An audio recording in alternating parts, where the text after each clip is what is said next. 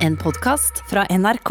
Jeg tror faktisk dette må være det vanskeligste intervjuet jeg har gjort, faktisk. Jeg har vært eh, journalist i om lag 20 år, og jeg tror ikke jeg har vært med på noe som har sittet så i magen før.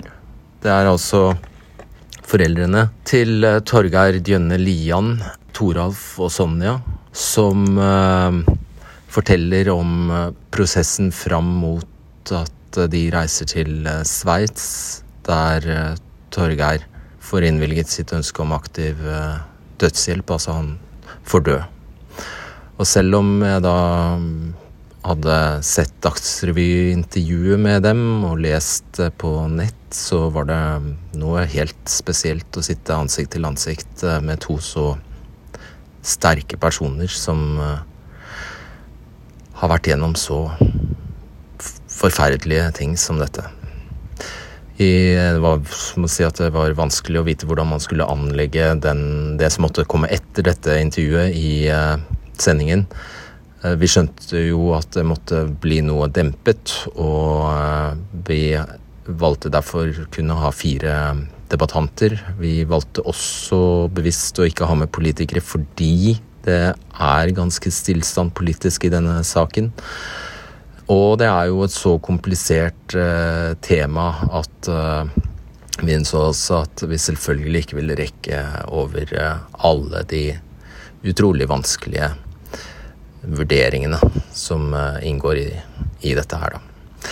Men vi gjorde et forsøk, så her skal du få høre først intervjuet med Torgeir Jønne Lians foreldre.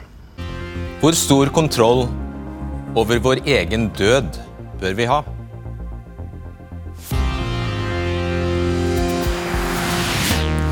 Velkommen til debatten. Av og til er det ikke mer legene kan gjøre. Av og til finnes det ikke noen kur. Av og til tilbys kun lindrende behandling. Og av og til venter man bare på døden.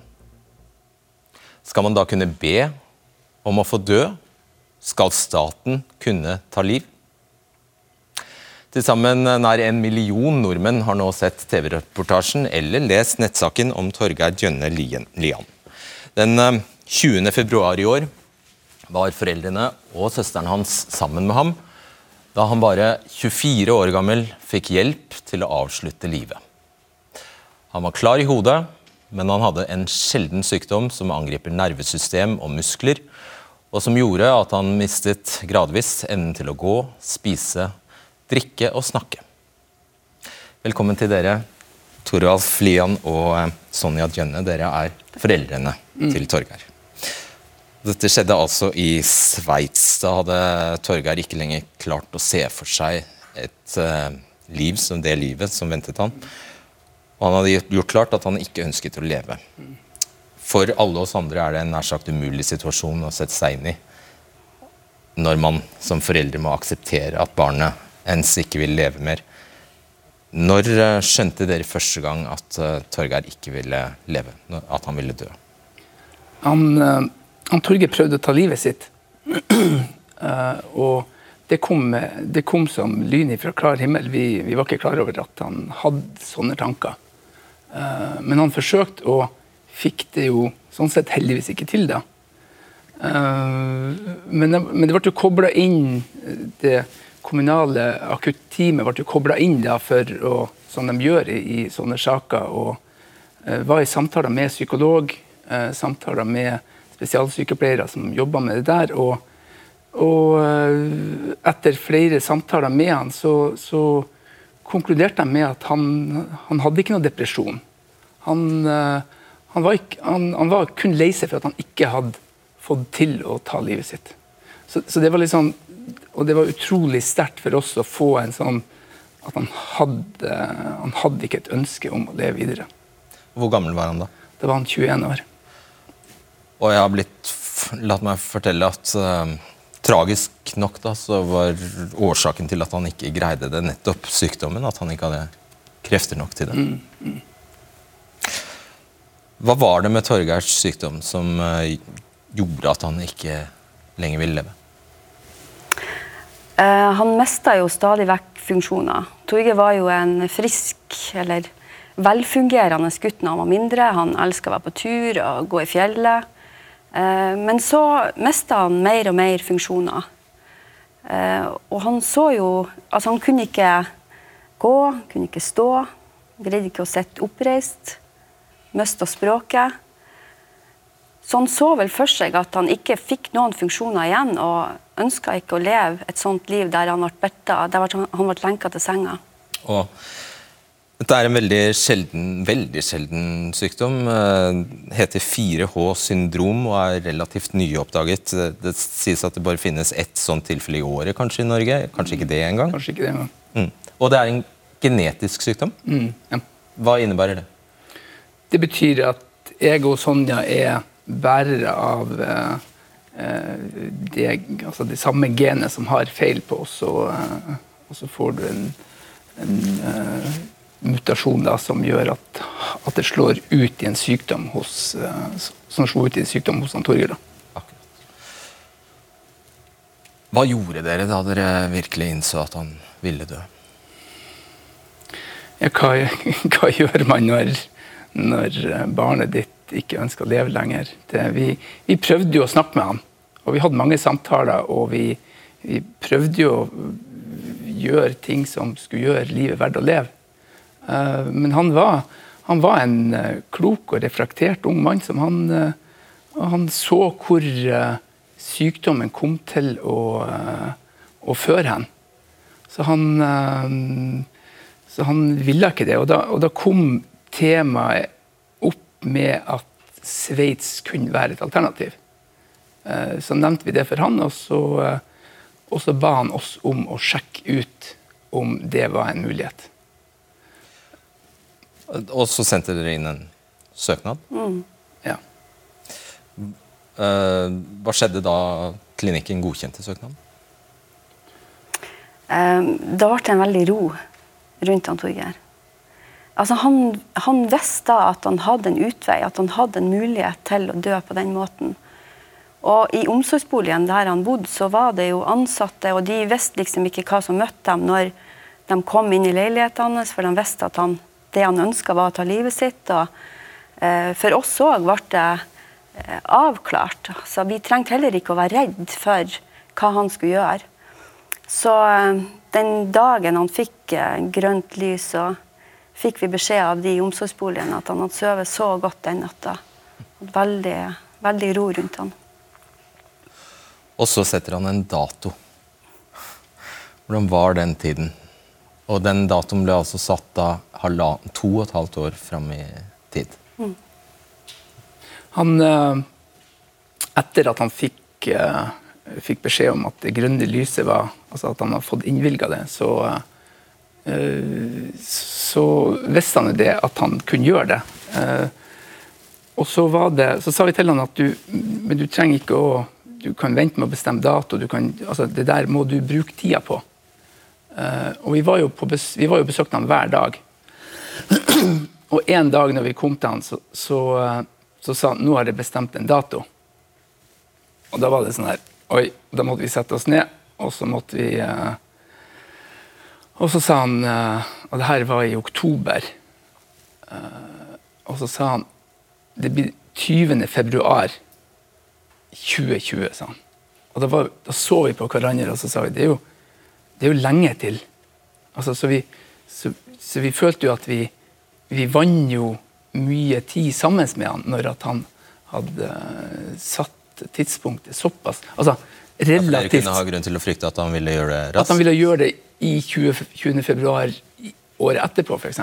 Altså han eh, Men han eh, Så han, han ga oss eh, Følte jeg han ga oss ekstra tid på i den perioden der, og det var vi Det prøvde vi å bruke godt. Ja, hva gjorde dere?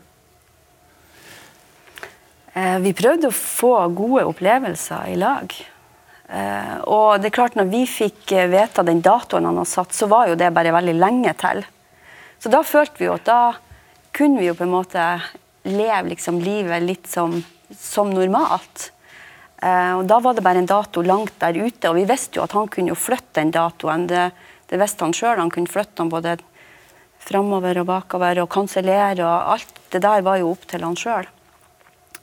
Eh, men vi prøvde å bruke tida godt og, og eh, få gode minner i lag med han. Prøvde du å overtale han noen gang til å endre den datoen? Nei, Vi prøvde ikke å overtale han til det, men vi snakka jo av og til om det og sa at du vet at du kan skyve det lenger ut, eller Så det var han klar over, men vi prøvde ikke å overtale han. Fungerer det sånn da som foreldre at man bare vil ha mest mulig tid? Ja. Klart. Ja. Men så drar dere altså til eh, Sveits, og jeg må innrømme at noe av det sterkeste som utenforstående er å se de bildene av dere smile på den aller siste dagen. Hvordan var de dagene der? Du har jo lyst til å bare gråte. For sanda renner jo liksom ut mellom fingrene på deg, og du har Du tær ned timer til at sønnen din skal dø. Um, men det ville jo ikke bli noe bra verken for han Torgeir eller for oss hvis at vi bare gråt den siste tida. Så vi bestemte oss for at vi skulle bruke den tida godt og prøve å få gode minner i lag med han. Ta bilder, flir, få de gode øyeblikkene, sånn at det kunne på en måte feste seg hos oss. Og at hans siste tid ble fin. Og det er et minne om et eh, Jeg vet dere tok masse bilder, da. Ja, vi tok, vi tok uh, mye bilder. Sånn I ettertid så skulle vi selvfølgelig tatt enda mer bilder, men, uh, men vi tok bilder. Vi var, i, vi var annet i dyrehagen uh, dagen før. og Blant annet var det noen sånne pelikaner der som var og nappa han i klærne. Og, han, og det syntes han, han var veldig artig, at de, de kom så nært. og han fikk... ja, så det var egentlig um... Han Torgeir bydde på seg sjøl og ønska jo at vi skulle ta bilder for å få etter han.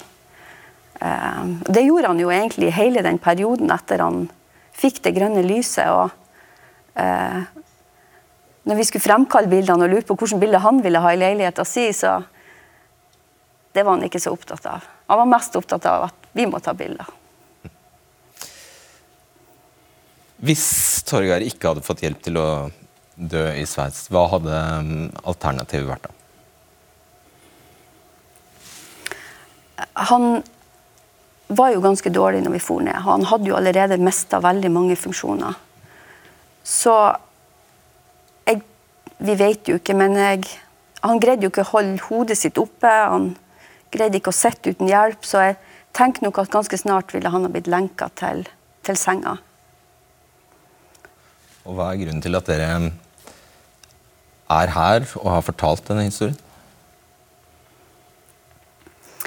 Vi håper jo at det kan bli en debatt om temaet. Eh, Vi har fått veldig mange reaksjoner og meldinger eh, der at folk sier at dette er en viktig sak, og at de kjenner folk som ville ha gjort det hvis de hadde muligheten. Eh, kanskje at det kan lages en utredning om temaet i Norge, sånn at man kan belyse de vanskelige sidene med det. For det ser vi jo at det er mange vanskelige sider, men vi, vi ønsker å løfte opp sånn at politikerne tar tak i det og lager utredning. det vi håper.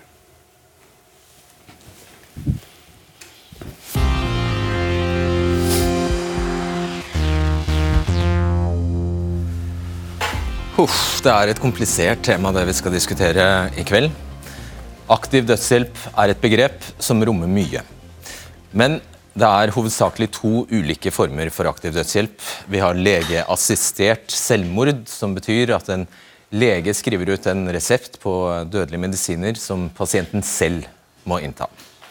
Så har vi eutanasi, som betyr at en lege setter en injeksjon på en pasient i den hensikt at pasienten skal dø. I dag er den første kategorien legeassistert selvmord tillatt i Sveits, i sju amerikanske delstater, i to australske delstater og i Colombia. Den andre kategorien, eutanasi, er tillatt i Belgia, Nederland, Luxembourg, i Canada også. Nå, per, per i dag er Sveits det eneste landet som har åpnet for å ta imot utenlandske borgere. Og Debatten rundt aktiv dødshjelp reiser en rekke kompliserte spørsmål. F.eks.: Skal staten i det hele tatt kunne ta liv? Hvem skal bestemme? Hvem skal få dø? Hvem skal bistå? Ole Martin Moen, du er professor ved Oslo Met, filosof, skrevet eh, bok der du forsvarer aktiv dødshjelp. Hva er ditt eh, svar på det aller første spørsmålet her? Skal staten kunne ta liv? Staten tar jo, kan man si, dessverre liv allerede. Politiet, Forsvaret tar liv eh, i noen tilfeller, så staten tar, tar uansett liv. Men de fleste som blir tatt livet av i den sammenhengen, vil jo ikke dette selv. Men det vi snakker om her, er jo mennesker som har et innstendig ønske om å få hjelp til å, til å kunne dø. Og Grunnen til det er jo at det er noen tilstander som det ikke er verdt å oppleve. Og I dag har vi jo totalforbud, da, som vi jo selvfølgelig generelt bør ha mot, mot, eh, mot drap. Men det gjelder også selv om man lider uutholdelig, ikke har utsikter til bedring. Og selv om man har tatt et veloverveid valg om å dø. Og da tenker jeg der er vi ikke rettferdiggjort i å overkjøre enkeltmenneskers valg som vi gjør i dag. Morten Horn, nevrolog, overlege ved Oslo universitetssykehus, medlem i Rådet for legeetikk, som ligger under Legeforeningen. Hvordan vil du besvare det spørsmålet? Ja, når vi hører historier som dette, så, jeg at, eh, så skjønner jeg at veldig mange tenker at det må da finnes noen situasjoner hvor det kunne være riktig at folk fikk hjelp til å dø.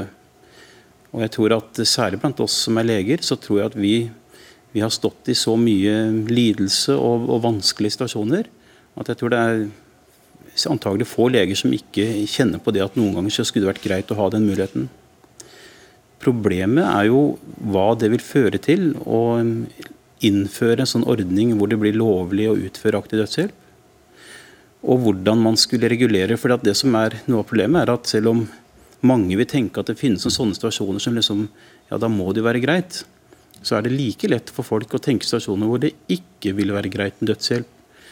Og hvis man legaliserer dette, så vil man på et eller annet nivå måtte bestemme og si til en person at jeg skjønner at du har et vanskelig liv, men dette er ikke nok til å få dødshjelp. Eh, så det er på en måte baksiden av dette spørsmålet. Eh, hvem skal staten nekte eh, å få hjelp til å dø? Og Vi har jo en, en demokratisk samfunn i Norge i dag hvor vi forventer likebehandling. Og Det er ikke så veldig enkelt å innføre en lov som på en måte forskjellsbehandler folk. Og Så kommer spørsmålet ditt senere, hvem skal i så fall avgjøre denne forskjellsbehandlingen. Og Da blir det enda vanskeligere. Så dette er, det er grunn, dette er de hovedgrunnene til at uh, Legeforeningen uh, og, og, veldig mange leger er uh, negative til å legalisere dødshjelp, selv om man absolutt skjønner hvor dette spørsmålet kommer fra. Mm om lag 70% eller noe sånt nå, eh, hvis målinger av legene er imot, og tilsvarende omtrent like mange i befolkningen viser andre målinger da, er for. Andreas Wahl Blomkvist, du er lege i eh, Tromsø. En av eh, få norske leger som offentlig har sagt at du er tilhenger av aktiv dødshjelp. Der vi deg, ja. Men du begynte faktisk med å utdanne deg Da du begynte med å utdanne deg som lege, så var du for så, var du, så var du mot aktiv dødshjelp. Unnskyld. Hva fikk deg til å snu? Det var noen opplevelser med egentlig en konkret pasient mens jeg jobbet i hjemmesykepleien, som ja, hadde et ettertrykkelig ønske om å dø, som eh, naturligvis ikke fikk dette innvilget, og som eh, tørstet seg til døde. Eh, og den prosessen for pasientene og for pårørende var tungt å se på, og da så jeg at eh, det må da være mulig å kunne tenke annerledes i noen situasjoner. Og så vil jeg svare litt på det Morten Andreas Horn tok opp, at ja, det er, det er vanskelig å være den personen som skal vite hvem som kan få og ikke osv. Men mange av disse vanskelige avgjørelsene tas allerede. Allerede så må vi f.eks. ved tvangsbehandling eh, vite om pasienten er samtykkekompetent eller ikke. Og det er allerede slik at leger er med i prosessen når vi f.eks. innvilger et ønske om å avslutte livs, livsopprettende behandling. Så disse avgjørelsene tas allerede, og jeg ser ikke at det går et hva si, essensielt skille mellom det vi gjør i dag, og det å kunne åpne opp for dødshjelp skal selvfølgelig få svare på det, Horn, men jeg skal bare introdusere deg først. Eh, Synne Lerhol. Eh, du er født med muskelsykdommen spinal muskelatrofi. Uttalte jeg det rett? Ja. Eh, det er en nevrotisk sykdom som medfører tap av nervecellene som styrer musklene. Jeg skal også legge til at du er medlem av Bioteknologirådet, og så er du politisk aktiv i Senterungdommen. Du er eh, bekymret for at funksjonshemmede skal kjenne på et press dersom aktiv dødshjelp skulle blitt eh, tillatt. På hvilken måte da? Hvis vi skal eh, innføre aktiv dødshjelp, så blir det som Morten sier, noen må falle innenfor kriteriene, og noen faller utenfor. Vi kan ikke definere hvorvidt noen er Vi kan ikke ha det sånn skille på funksjonshemmede. Vi må ha andre kriterier, fordi funksjonsnedsettelse er, er i seg selv et, et omfattende eh, begrep og et eh, innholdsrikt begrep. Eh, og da, da vil vi sette kriterier som vil kunne eh, er veldig subjektive, på sett og vis. Det vil, vi, vi må anta at det her måtte bli politisk bestemt.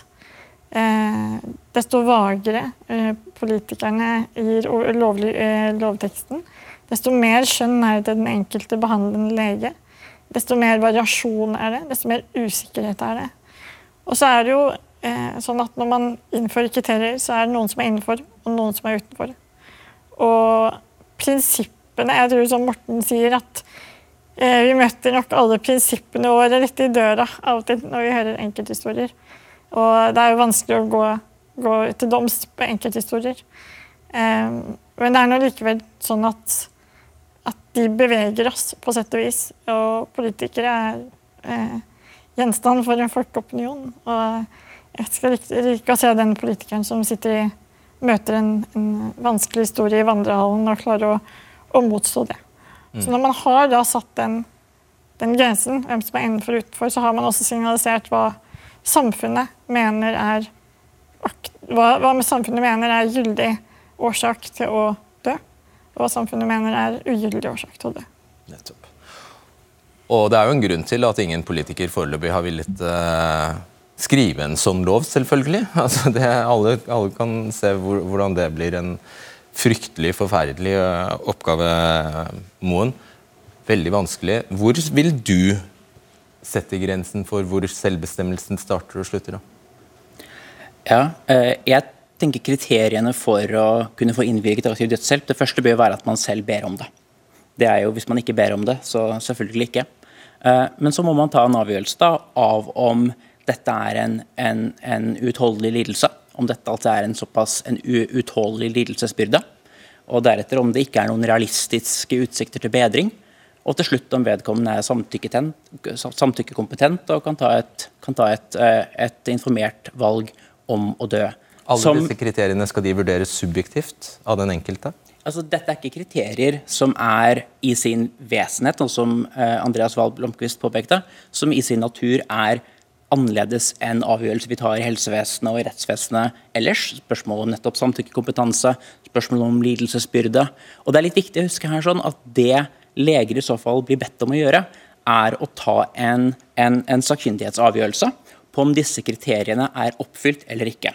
Og da er det Stortinget som sier at i disse tilfellene så kan folk få muligheten til å få dødshjelp, og så er det vedkommendes eget valg om å ville dette som er det avgjørende. Så det er ikke slik at leger settes i en posisjon for hvor man skal vurdere om noen skal leve eller dø.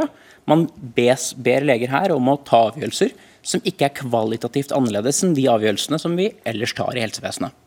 Vil du svare på det? Ja, jeg, jeg syns dette blir for enkelt, altså. Eh, Jeg må jo, jeg vet ikke om man skal komme sånne argumenter, men jeg, jeg har jobbet som eh, nevrolog i over 20 år, og jeg står i disse fryktelig vanskelige avgjørelser som handler om bl.a. behandlingsavslutning for ALS-pasienter. På intensiven så står jeg og lurer på om vi skal la pasienten leve, eller skal vi prøve å holde liv i han litt til. Um, Vi, vi står i fryktelig mange vanskelige situasjoner um, om å fatte sånne avgjørelser. Men det vi da avgjør er er det her noe mer medisin kan gjøre for å hjelpe denne pasienten? Er det nyttig å bruke mer medisin eller mer hjelpemidler for å hjelpe denne pasienten? Det er noe helt annet enn det å si at nei, jeg er enig, dette, denne pasientens liv er ikke lenger verdt å leve. og Her er det riktig å ta livet av pasienten eller hjelpe pasienten med å begå selvmord. Eh, jeg hører at Du sier at det ikke er så stor forskjell, men flertallet i hvert fall, av oss leger som er vant til å stå i sånne stasjoner, vi opplever at her er det en vesentlig forskjell.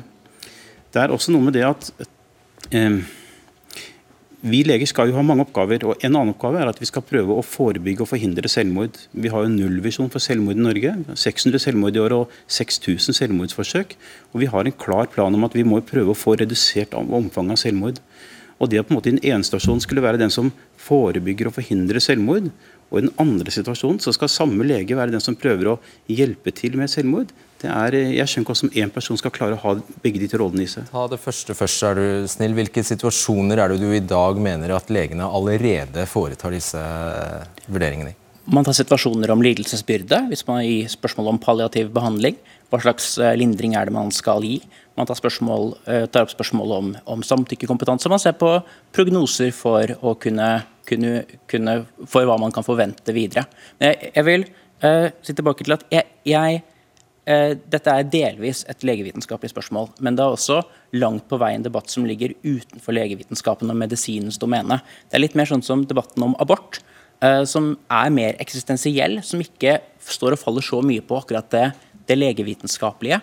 Og Det er da en debatt som på en måte ikke leger kan kjøre eh, separat, men som er et, vi, et, verdispørsmål, et eksistensielt spørsmål, som vi må ta stilling til, og hva slags valg da pasienter skal kunne ha. og ut fra undersøkelsene jeg i hvert fall kjenner til, så vil 80% av ALS-pasienter dette var vel da fra i USA for noen år tilbake, sa at hvis de kunne få muligheten til å kunne få aktiv dødshjelp, og deretter kunne ha benytte seg av dette når de, når de eventuelt skulle trenge det, så ville 80% ha den muligheten og ville gjerne ha muligheten til å kunne få dødshjelp.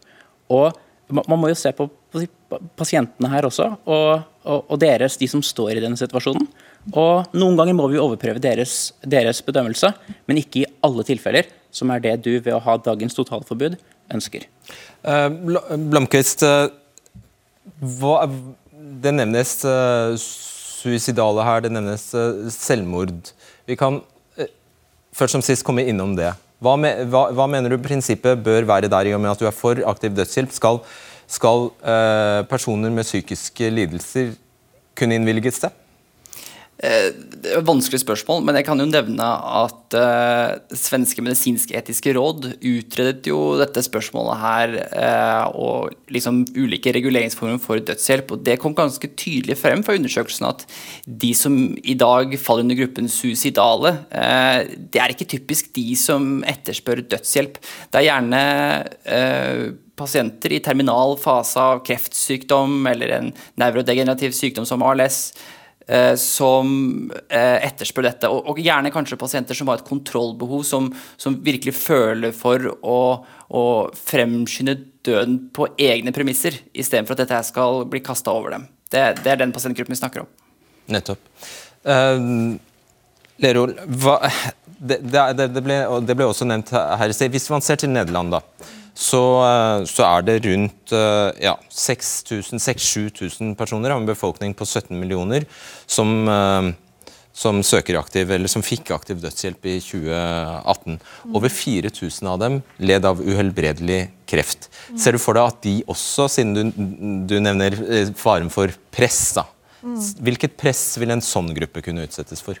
Det kan ikke jeg uttale meg om. Jeg verken har kreft har noen i nær familie som har kreft. Jeg syns også det blir nokså spekulativt for meg å, å, skulle gå inn i det nederlandske samfunnet. Det jeg føler at jeg eh, kan si noe om, er eh, det presset med hva som er eh, Jeg hørte benevnt her en byrde. altså at man En lidelsesbyrde, eh, blant annet. Det er eh, et svært subjektivt begrep.